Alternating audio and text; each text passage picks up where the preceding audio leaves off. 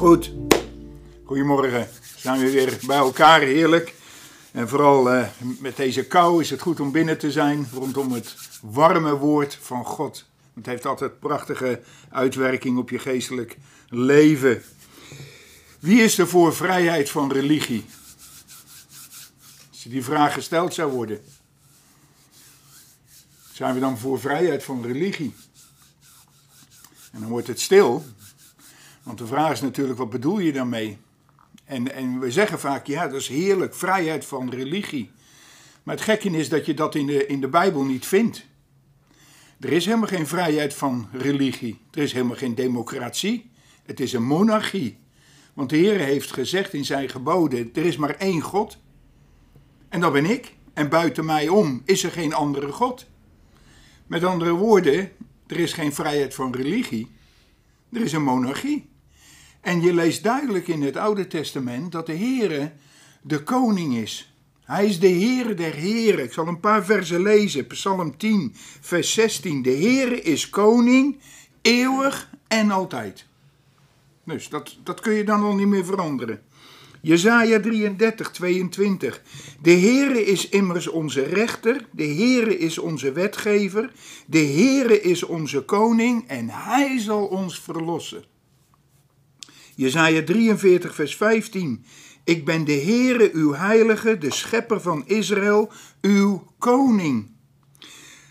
Jezaja 44, vers 6, zo zegt de Heere, de koning van Israël, zijn verlosser, de Heere van de legermachten.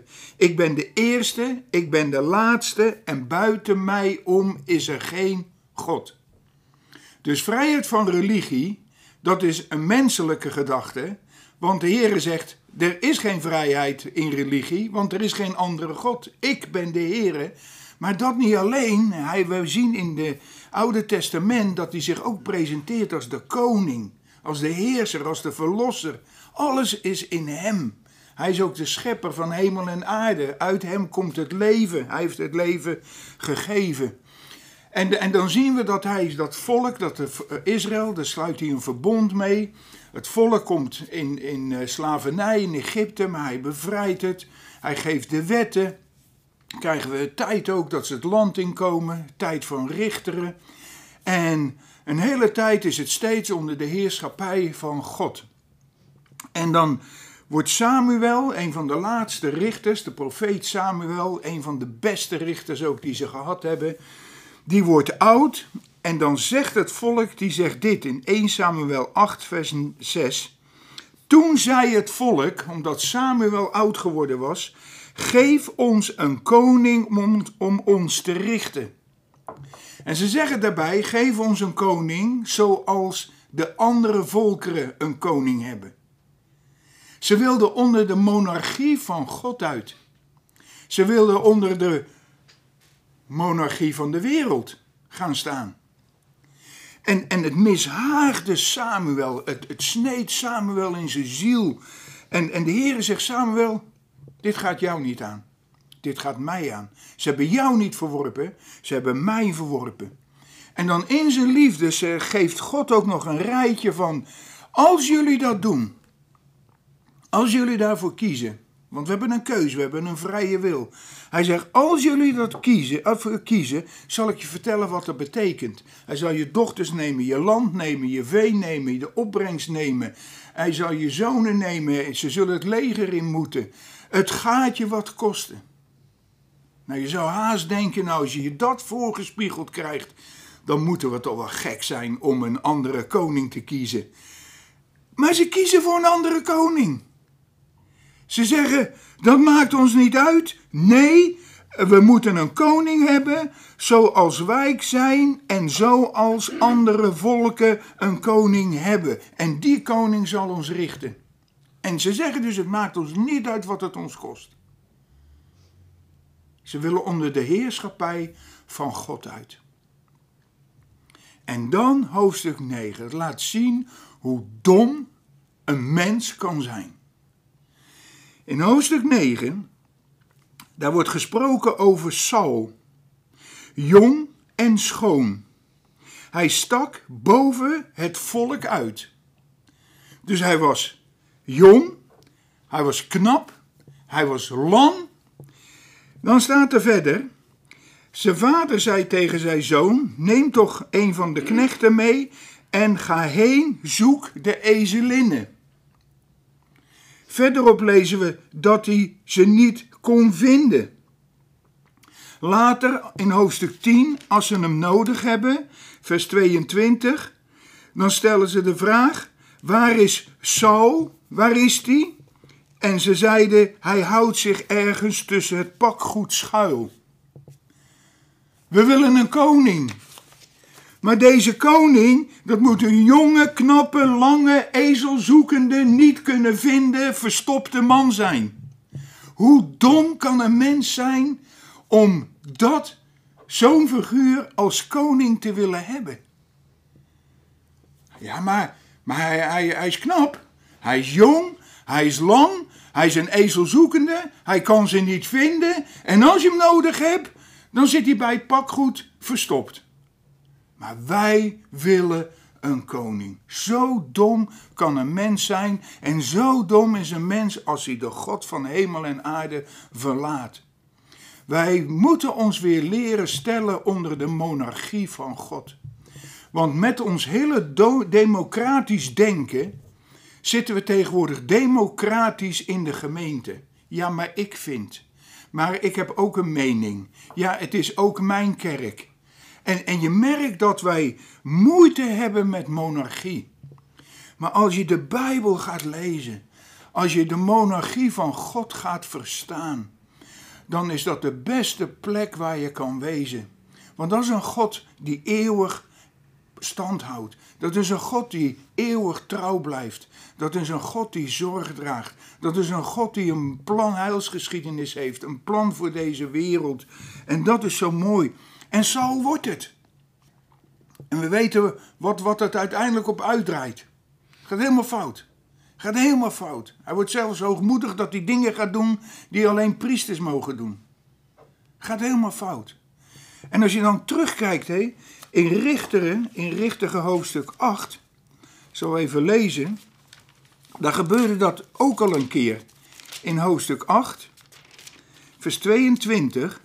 De mannen van Israël nu zeiden tot Gideon, want Gideon had natuurlijk in Midjam, had hij verslagen, al die koningen verslagen. De mannen van Israël nu zeiden tot Gideon, heers over ons, zowel gij als uw zoon en uw kleinzoon, want gij hebt ons uit de macht van Midjan verlost. Doch Gideon antwoordde, ik zal niet over u heersen. En ook mijn zoon zal niet over u heersen. De Heere zal over u heersen.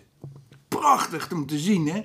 Gideon krijgt de kans om koning te worden, om heerser te worden over Israël. Maar hij wist, nou wacht even, we hebben een koning, we hebben een heerser. En dat is onze God, hij zal het zijn. En dan vind ik zo'n uitdaging om zelf om te onderzoeken. Hoe staan wij in ons geloof? In de relatie met God? Hebben wij een democratisch geloof, waar we ook allemaal wat vinden, allemaal wat te zeggen hebben? Of hebben we een onderdanen geloof? Want als je een monarchie hebt, dan ben jij een onderdaan. En we zien in het Nieuwe Testament. De eerste vraag die, die gesteld wordt is: waar is de pasgeboren koning van de Joden? Hij wordt, de Heer Jezus wordt al direct koning genoemd. In Lucas 1, vers 33, de, beloof, de belofte. En hij, dat is de Heere Jezus, zal over het huis van Jacob koning zijn tot in eeuwigheid. Aan zijn koninkrijk zal geen einde komen. Heerlijk om dat te weten. Als je tot zo'n koninkrijk behoort, daar komt geen einde aan. Hier is alles vergankelijk, hier gaat alles voorbij.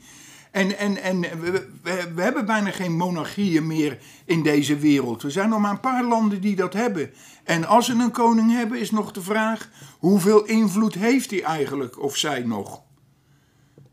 Maar we moeten hier naar terug. Als kinderen Gods moeten we daarop vertrouwen, op deze koning. Nathanael zegt in Johannes 1, vers 50: Rabbi, u bent de zoon van God, u bent de koning van Israël. Hij wordt zo erkend. In Hebreeën 1, vers 8: Maar tegen de zoon zegt hij: Uw koninkrijk, o God, bestaat in alle eeuwigheid. De scepter van uw koninkrijk is een scepter van recht. Waar vinden we nog zuiver recht? Waar wordt nog recht gesproken? En als het uitgesproken wordt, dan zijn we het er weer niet mee eens. Dan klopt het niet. Maar deze scepter is een scepter van recht. En waar vind je dat? Door je Bijbeltje te lezen, te ontdekken. Wie is dan die God? Wat is dat voor een monarchie? En, en als je een kind van God bent, en Colossense 1 vers 13, je kent dat gedeelte hopelijk wel. Dat is zo'n schitterend gedeelte. 1 vers 13. Nou, ik lees een stukje ervoor. Dat uh, daarom houden wij zeden de dag dat wij dit gehoord hebben. Dat gaat over het geloof van de Kolossen, van de Colossense. Niet op voor u te bidden en te vragen dat gij met rechte kennis van zijn wil vervuld moogt worden. Dus, dus Paulus zegt hier: het gaat niet erom dat jij een eigen mening gaat groeien in het geheel. Nee, dat je met rechte kennis van zijn wil, van Gods wil vervuld mag worden. In alle wijsheid, in geestelijk inzicht. En waarom? Om de Heere waardig te wandelen. Als onderdanen van dat koninkrijk horen wij ook als onderdanen waardig te wandelen. Nou, Efezebrief schrijft daar ook over. Hem in alles te behagen, in alle goed werk vrucht te dragen en op te wassen in, in de rechte kennis van God. En zo wordt gij met alle kracht bekrachtigd naar de macht zijner heerlijkheid, tot alle volharding en geduld, en dankt gij met blijdschap de Vader, die u toebereid heeft voor het erfdeel der heiligen in het licht. En hier komt het. Hij, dat is het werk van deze koning. Dat is het werk van de Vader, van de Zoon en van de Heilige Geest. Hij heeft ons verlost uit de macht der duisternis. En moet je horen, en overgebracht. Waar? Nou, er staat hier, in het koninkrijk van zijn zoon. Dus als je wedergeboren bent, dan ben je door de Heilige Geest uit de duisternis getrokken, maar dan ben je niet gaan zweven, dan ben je geplaatst in het koninkrijk van zijn zoon.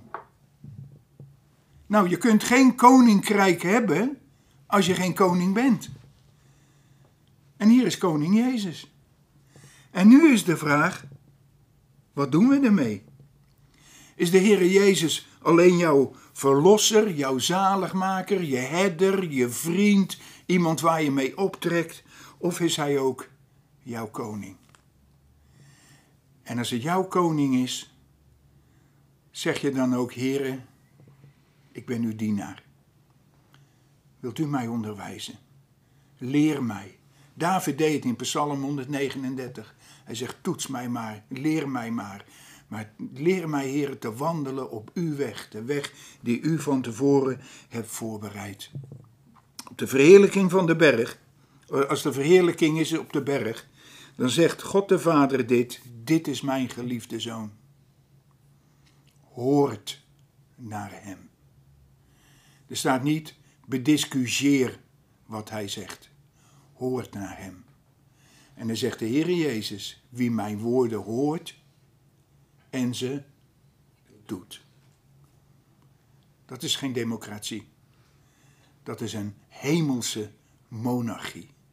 En ik vind het een voorrecht om tot die, dat koninkrijk te mogen behoren. Met al mijn falen, met al mijn tekortkomen. Maar wat een rijkdom dat u ons dat woord van God hebt gegeven.